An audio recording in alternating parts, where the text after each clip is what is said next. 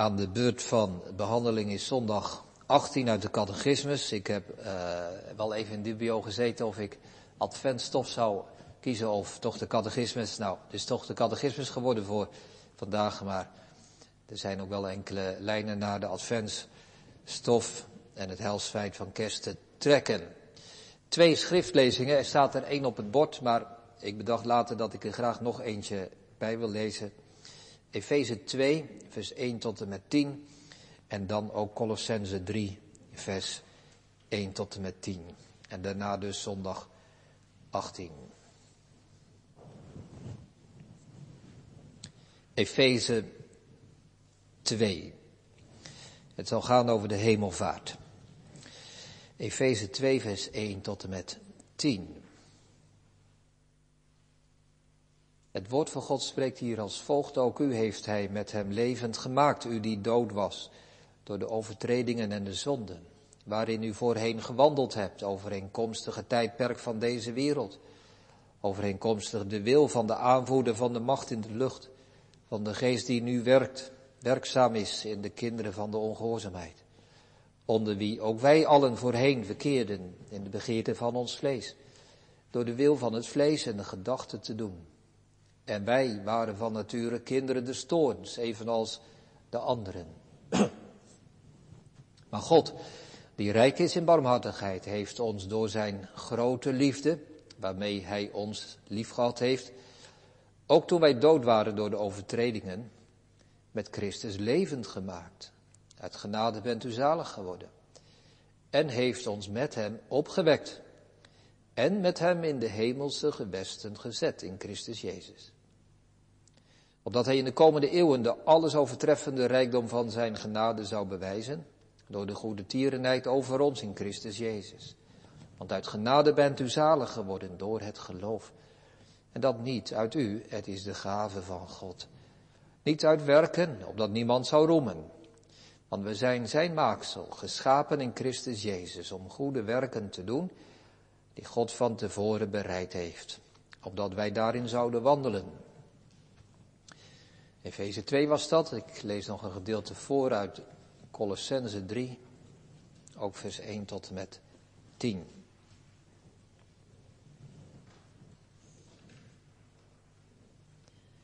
Als u nu met Christus opgewekt bent, zoek dan de dingen die boven zijn, waar Christus is, die aan de rechterhand van God zit. Bedenk de dingen die boven zijn en niet die op de aarde zijn. Want u bent gestorven en uw leven is met Christus verborgen in God.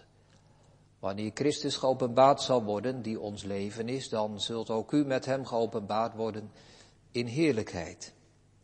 Dood dan uw leden die op de aarde zijn. Ontucht, onreinheid, hartstocht, kwade begeerte en de hebzucht die afgoderij is. Door deze dingen komt de toorn van God over de ongehoorzamen. En deze dingen hebt ook u voorheen gewandeld toen u in die dingen leefde. Maar nu legt ook u dit alles af, namelijk toorn, woede, slechtheid, laster en schandelijke taal uit uw mond. Lieg niet tegen elkaar. Aangezien u de oude mens met zijn daden uitgetrokken hebt en u met de nieuwe mens bekleed hebt, die vernieuwd wordt tot kennis overeenkomstig het beeld van hem die hem geschapen heeft. Tot zover de schriftlezingen wij lezen zondag 18 uit de catechismus, vraag en antwoord 46 tot en met 49.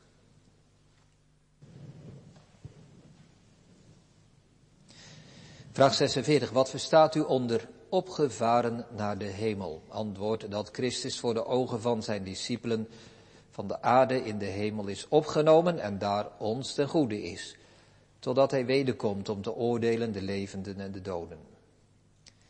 Is Christus dan niet bij ons tot aan het einde van de wereld zoals hij ons beloofd heeft? Christus is waarachtig mens en waarachtig God. Naar zijn menselijke natuur is hij niet meer op. Maar naar zijn godheid, majesteit, genade en geest wijkt hij nimmer van ons. Worden dan de twee naturen in Christus niet van elkaar gescheiden als zijn mensheid niet overal is waar zijn godheid is? Volstrekt niet, want omdat zijn godheid door niets kan omsloten worden en alomtegenwoordig is, volgt eruit dat deze wel buiten de door hem aangenomen mensheid is, maar toch ook in de ene persoon daarmee verenigd blijft. Welk nut heeft de hemelvaart van Christus voor ons?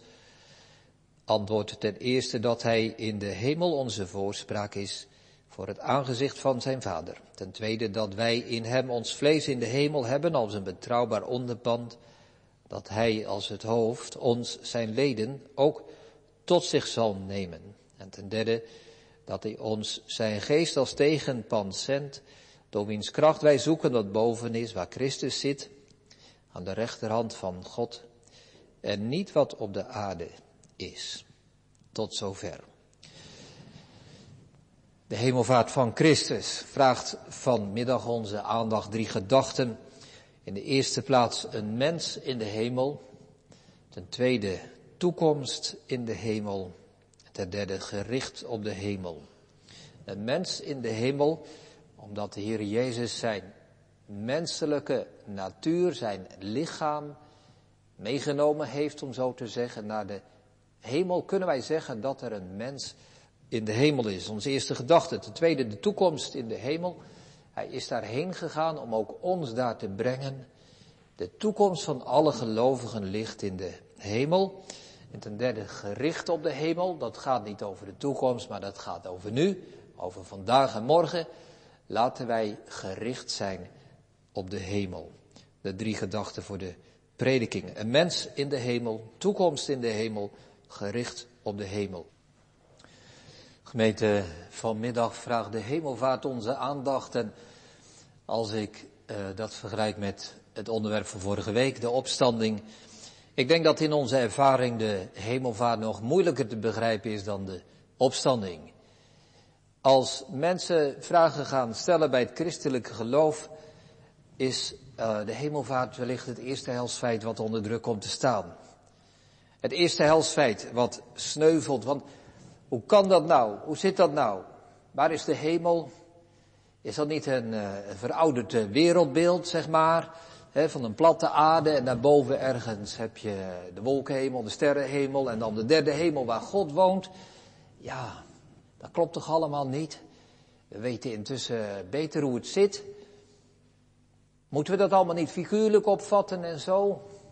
Lastig. Waar is Jezus nu? In de hemel, ja, wat betekent dat? Nou gemeente, ik weet ook wel dat er heel wat vragen te stellen zijn, maar dat is ook niet zomaar een reden om dit helsfeit af te blazen en uit onze beleidenis te schrappen. En ik ga nu niet uh, beginnen met een heel uh, betoog, zeg maar, vanuit de apologetiek om te zeggen wat er allemaal voorpleit, maar laten we beginnen bij wat wij geloven.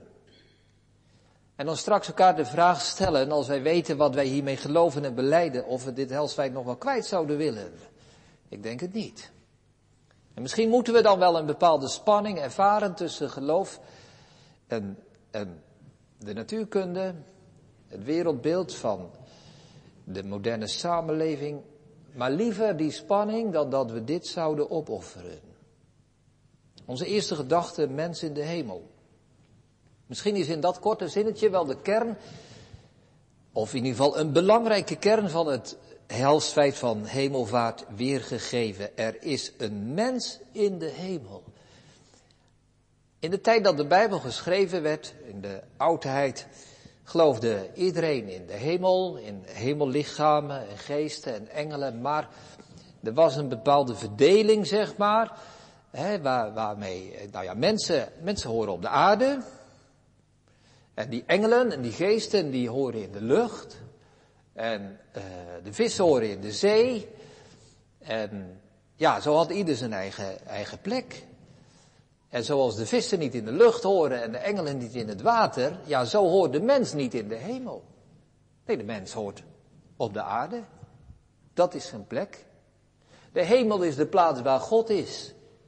De hemel is de geestelijke ruimte voor geestelijke wezens, engelen. In zekere zin ook de duivelen, de boosheden in de lucht, zegt Efeze 2. Maar daar hoort de mens niet. De mens hoort op de aarde. En als er een einde komt aan het menselijke leven, dan verdwijnt de mens in de aarde. Een mens die sterft gaat niet naar boven, maar gaat naar beneden. Naar de onderwereld, naar het graf. Dat was de gedachte die, die welke godsdienst je ook bekeek, maar die algemeen heersend is. Dus dat is sowieso goed gemeente om ons te realiseren dat het woord hemel in de Bijbel vaak, vaak een aanduiding is voor waar God is. Dat kunnen we eruit overnemen. De hemel is niet zozeer een, een plek in de, ja, in de topografie, zeg maar. Maar de hemel is waar God is. Waar God is, is de hemel. Dat kunnen we ook zeggen. De hemel kan op aarde zijn. Als God daar is, hebben we de hemel op aarde. Maar die hemel is dus de plaats waar God is en de mens hoort op de aarde. Dat is zijn plek. Hij moet niet proberen daar los van te komen. Er zijn wel van die mythen en zagen in de Griekse verhalen. Misschien dat de kinderen dat wel kennen. Iemand die, die, die vleugels had gemaakt en die probeerde om omhoog te vliegen richting de zon. En hij viel naar beneden. Wie denkt dat hij als mens naar de hemel kan, die is bezet met hoogmoed, met overmoed. Die denkt dat hij bij God hoort, maar dat kan niet. Nou, wat gebeurt er gemeente met hemelvaart? Dit oude beeld wordt door Jezus radicaal doorbroken. Want wij geloven en beleiden, vraag en antwoord 46, wat verstaat u onder de, met, onder de woorden opgevaren naar de hemel? Dat Christus voor de ogen van zijn discipelen van de aarde in de hemel is opgenomen. Er is een mens in de hemel. De mens Jezus van Nazareth is met zijn lichaam, zo'n menselijk lichaam als wij hebben, de mens Jezus van Nazareth is met zijn lichaam naar God gegaan. Hij is daar gekomen waar eigenlijk geen mens zou kunnen komen. Weer die nadruk op het lichaam. Ik heb vorige week bij de opstanding dat ook gezegd, want daar zien we hetzelfde accent dat hij lichamelijk is opgestaan. En hier opnieuw, hij is lichamelijk met zijn lichaam naar de hemel gegaan. Het is advent vandaag.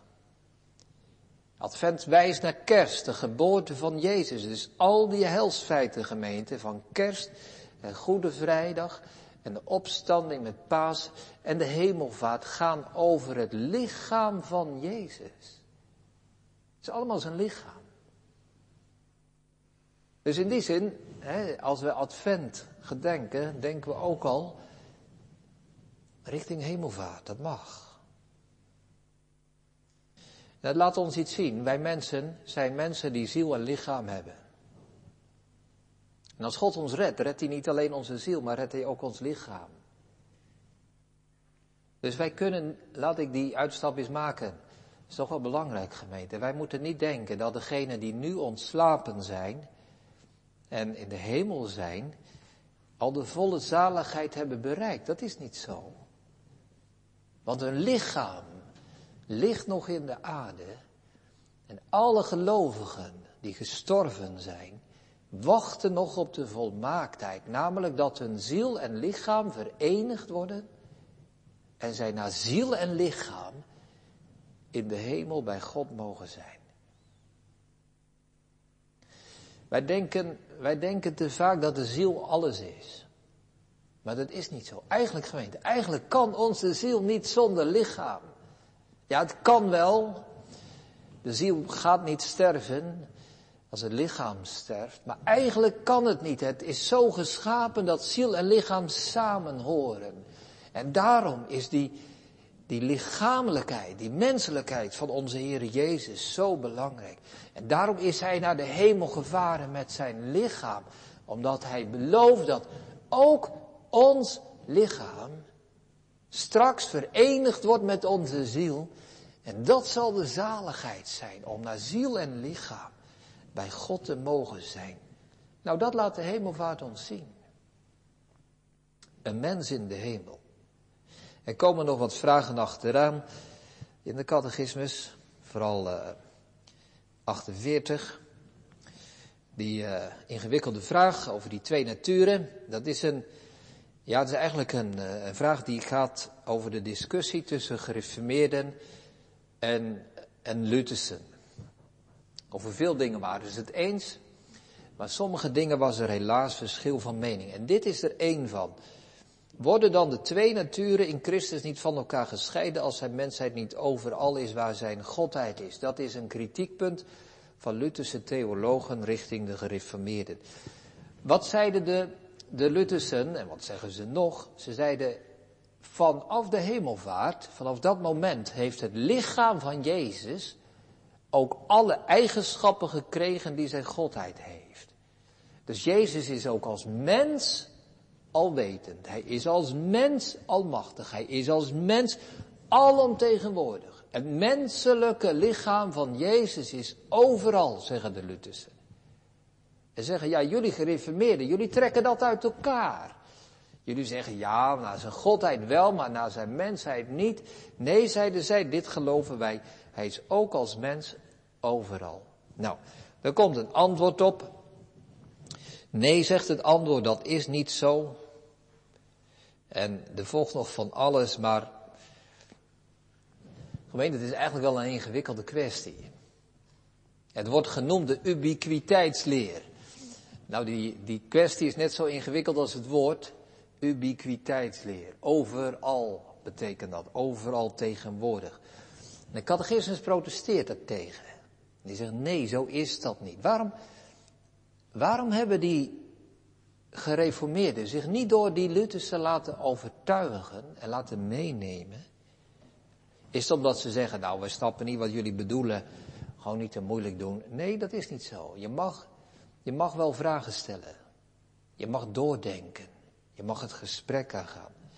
Maar volgens mij is dit het bezwaar. De catechismus zegt, als Jezus een almachtig mens is geworden, een alomtegenwoordig mens, een alwetend mens en, en noem maar op, al die andere eigenschappen die alleen van God gelden. Is Jezus dan nog wel mens? Of is hij eigenlijk een, een soort supermens of een halfgod geworden, of, of hoe je dat ook wil noemen?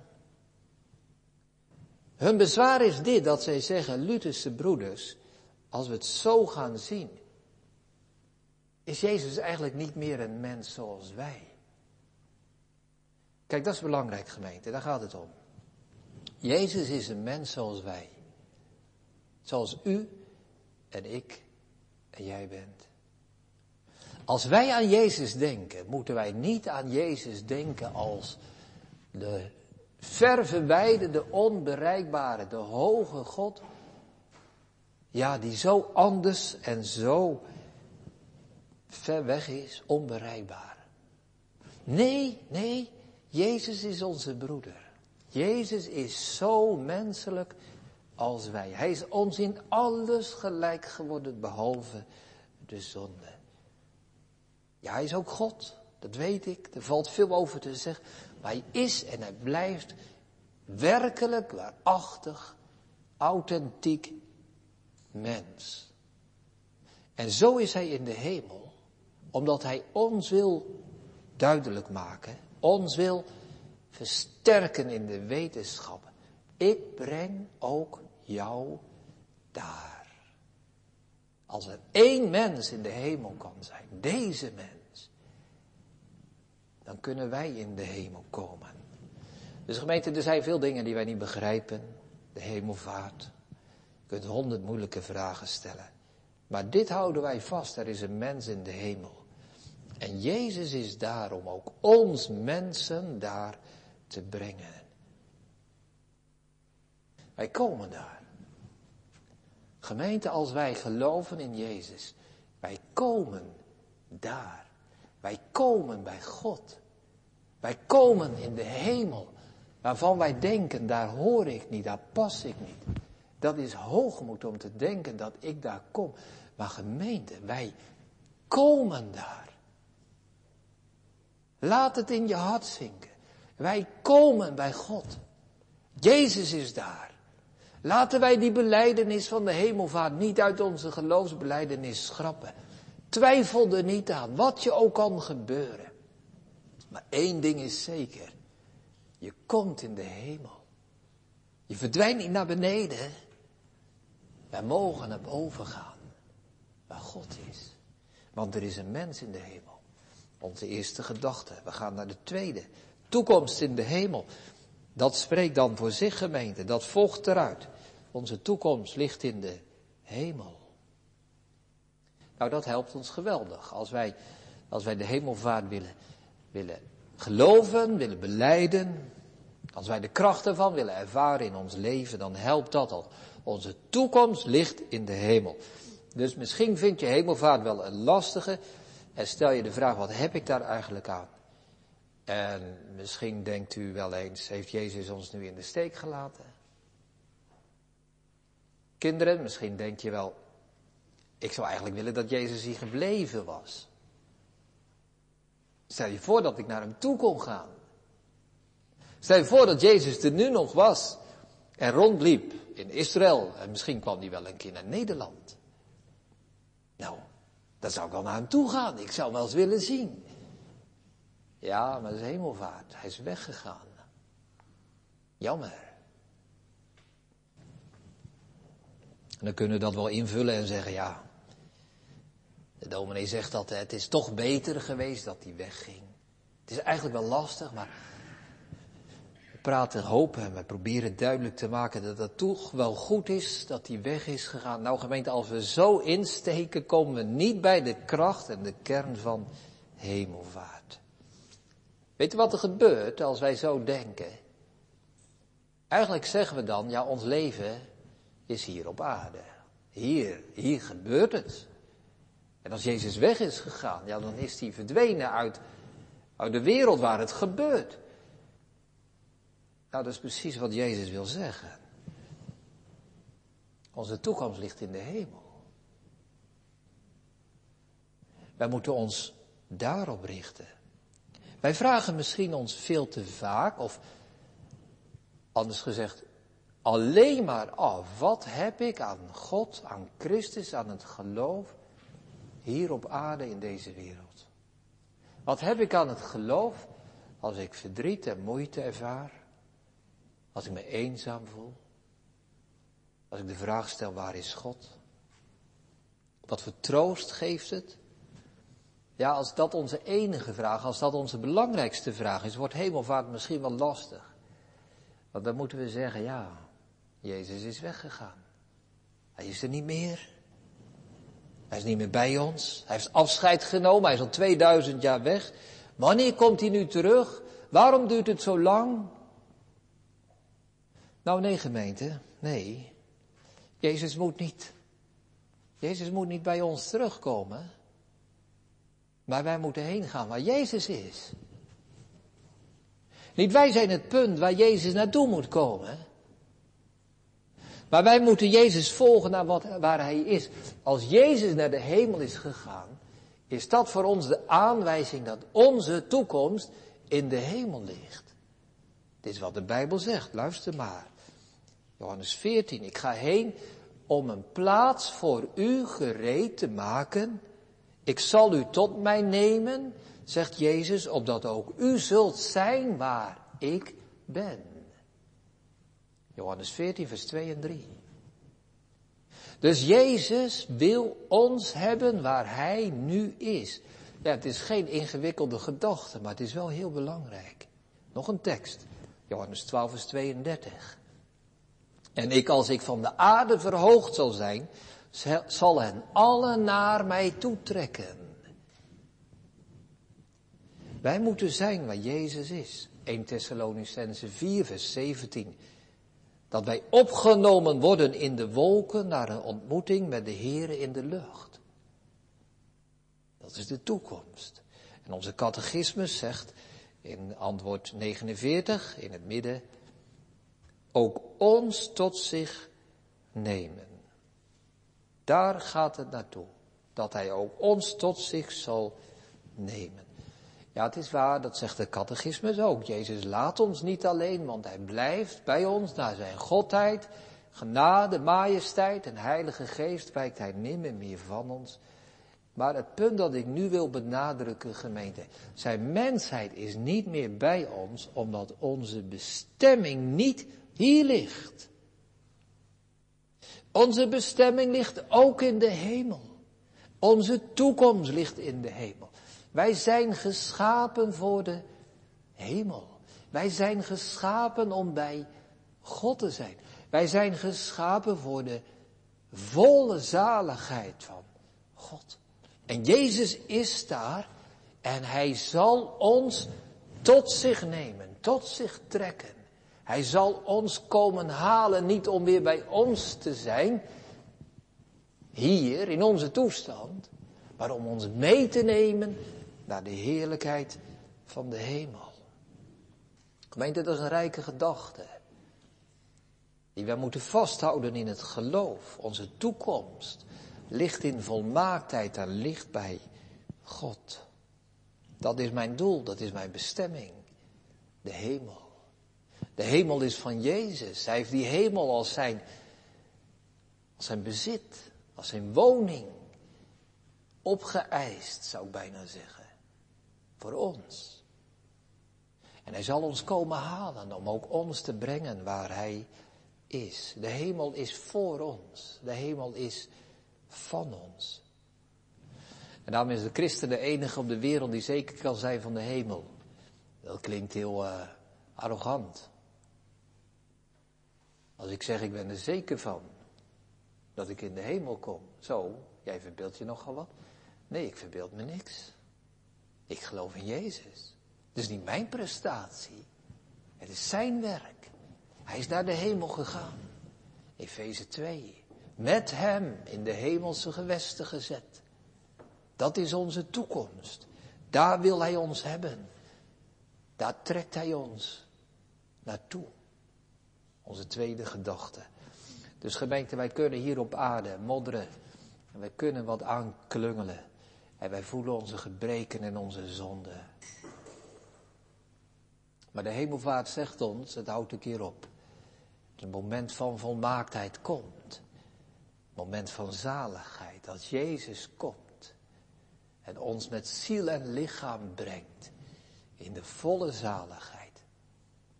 Onze toekomst ligt in de hemel. Wij gaan naar onze derde gedachte, gericht op de hemel. Want als we dit zeggen, gemeente, heeft dat ook gevolgen voor nu.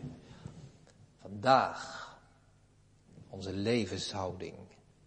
Ik zat te denken, de preek van vorige week. Ik heb dat woord levenshouding toen ook genoemd en ik zeg het nu weer. Ik heb niet zo de behoefte, gemeente, om in de prediking te gaan zeggen, nou dit mag wel en dat mag niet, dit is verboden, dat is toegestaan, hier ligt de grens, dat is zonde, dat is geoorloofd en zo. Heb ik daar fout aan gedaan, had ik dat meer moeten doen? Ik denk het niet. Maar waar u wel wil op wijzen, vandaag weer gemeente, is onze levenshouding. Hoe sta ik in het leven? Hoe sta ik in het leven? Ben ik gericht op de hemel? Als Jezus naar de hemel gevaren is, als mijn toekomst in de hemel is, wat maakt dat uit voor vandaag?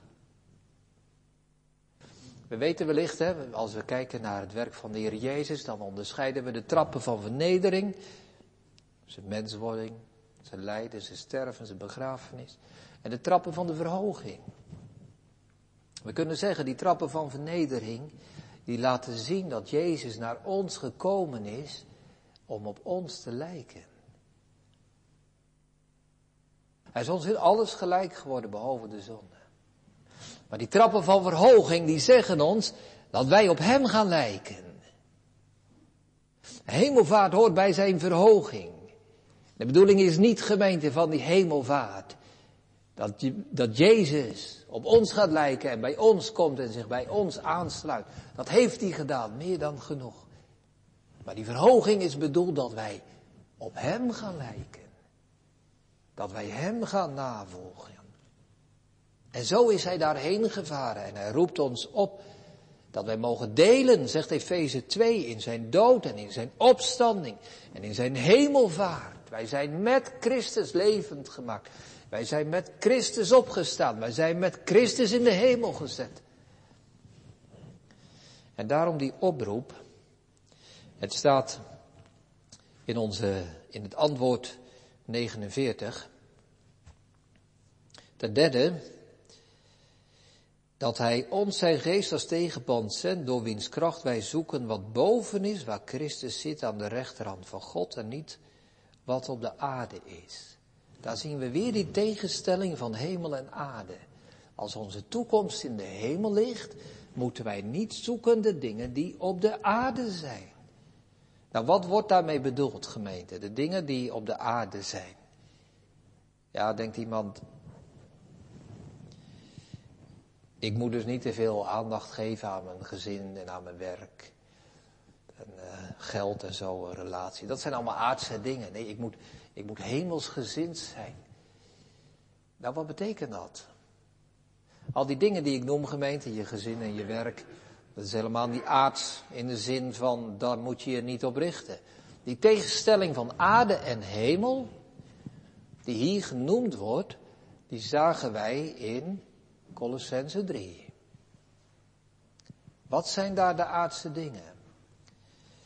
Ik heb hem hier zelf nog open liggen in, de, mijn Bijbel. Ik lees vers 5 en 8 voor. Dood dan uw leden die op de aarde zijn, ontucht, onreinheid, hartstocht, kwade begeerte en de hebzucht die afgoderij is. En vers 8, maar nu legt ook u dit alles af, namelijk toorn, woede, slechtheid, laster en schandelijke taal uit uw mond. Misschien dat iemand denkt, ja, die hemelvaart betekent eigenlijk dat ik niet zo mag genieten van de dingen van de aarde.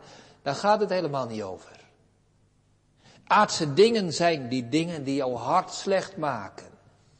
Hartstocht, kwade begeerte, ontucht, hebzucht. Woede, toorn, slechtheid, lasten. Gemeente, wie zou, daar, wie zou daarin willen leven? Als de hemelvaart van Christus ons op de hemel richt, dan zoeken wij niet de dingen die op de aarde zijn, dan hebben wij een levenshouding waarin woede en hebzucht en afgunst en al die dingen ons niet meer beheersen. Maar waar wij op de hemel zijn gericht en telkens weer zeggen, dat is mijn toekomst. Volmaaktheid, liefde, volheid, zaligheid. Bij God te zijn, bij Jezus te zijn, Hem te zien. Samen vereend te zijn met allen die Jezus lief hebben. Dat is een hemels leven. Bunyan beschrijft in zijn christenreis een man die over de vloer kruipt en door het stof loopt te graaien en te zoeken of die hele kleine spikkeltjes goud kan vinden. En hij kijkt maar en hij zoekt maar. Hij wordt er vies van. Stof waait op, stro, viezigheid, modder.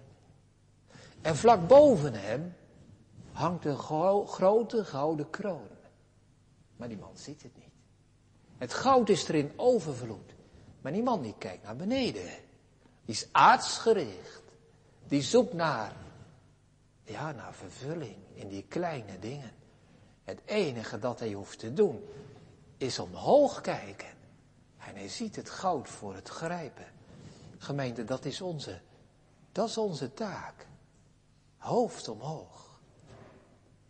Niet met het hoofd naar beneden hangen. Dat is geen geestelijke houding. Laten wij onze hoofden omhoog heffen naar de hemel. Wat houdt dat in? Ja, als ik tegenslag heb. Als het leven moeilijk is. Als ik de neiging voel om verbitterd te worden of moedeloos of machteloos. Hoe kan ik dan hemelsgericht zijn? Ja, richt je hoofd omhoog en zeg tegen jezelf, het is maar tijdelijk. Het gaat voorbij. Deze gebrokenheid is niet alles, want Jezus is als mens in de hemel. Hij belooft mij een toekomst in de hemel. Ik richt mijn hoofd omhoog. Ik weet wat mijn toekomst is. Dood verdriet, zonde, schuld, alles. Het kan mij niet zozeer beheersen dat ik aardsgericht word en wegzink in al die dingen van Colossense 3. In woede, toorn, slechtheid, laster en leugen. Die opdracht hebben wij gemeente. En wij weten niet veel van de hemel, dat is waar. Ik ook niet. Dat maakt het altijd lastig om over de hemel te preken. Ik wil u, ik wil jou, ik wil mijzelf aansporen om op de hemel gericht te zijn. Maar wie van ons weet wat de hemel is? En toch gemeente, toch kan het ons helpen. Wij weten niet wat de hemel is, omdat de hemel zoveel rijker en zoveel voller zal zijn dan wij ooit hadden vermoed. De hemel is onze toekomst. Jezus weet wat de hemel is. Hij is daar. En hij zal ons komen halen. Hij zal ons daar brengen. En we zullen van de ene verbazing in de andere vallen. Als we zien wat Christus voor ons gedaan heeft. En als wij zijn liefde ook daarin zullen zien. Dat hij ons niet heeft laten verdwijnen naar beneden. Maar getrokken heeft naar de hemel. En die levenshouding, gemeente, dat is onze opdracht. Dat is onze taak. Om in elke situatie, elke dag weer, ons daarop te richten.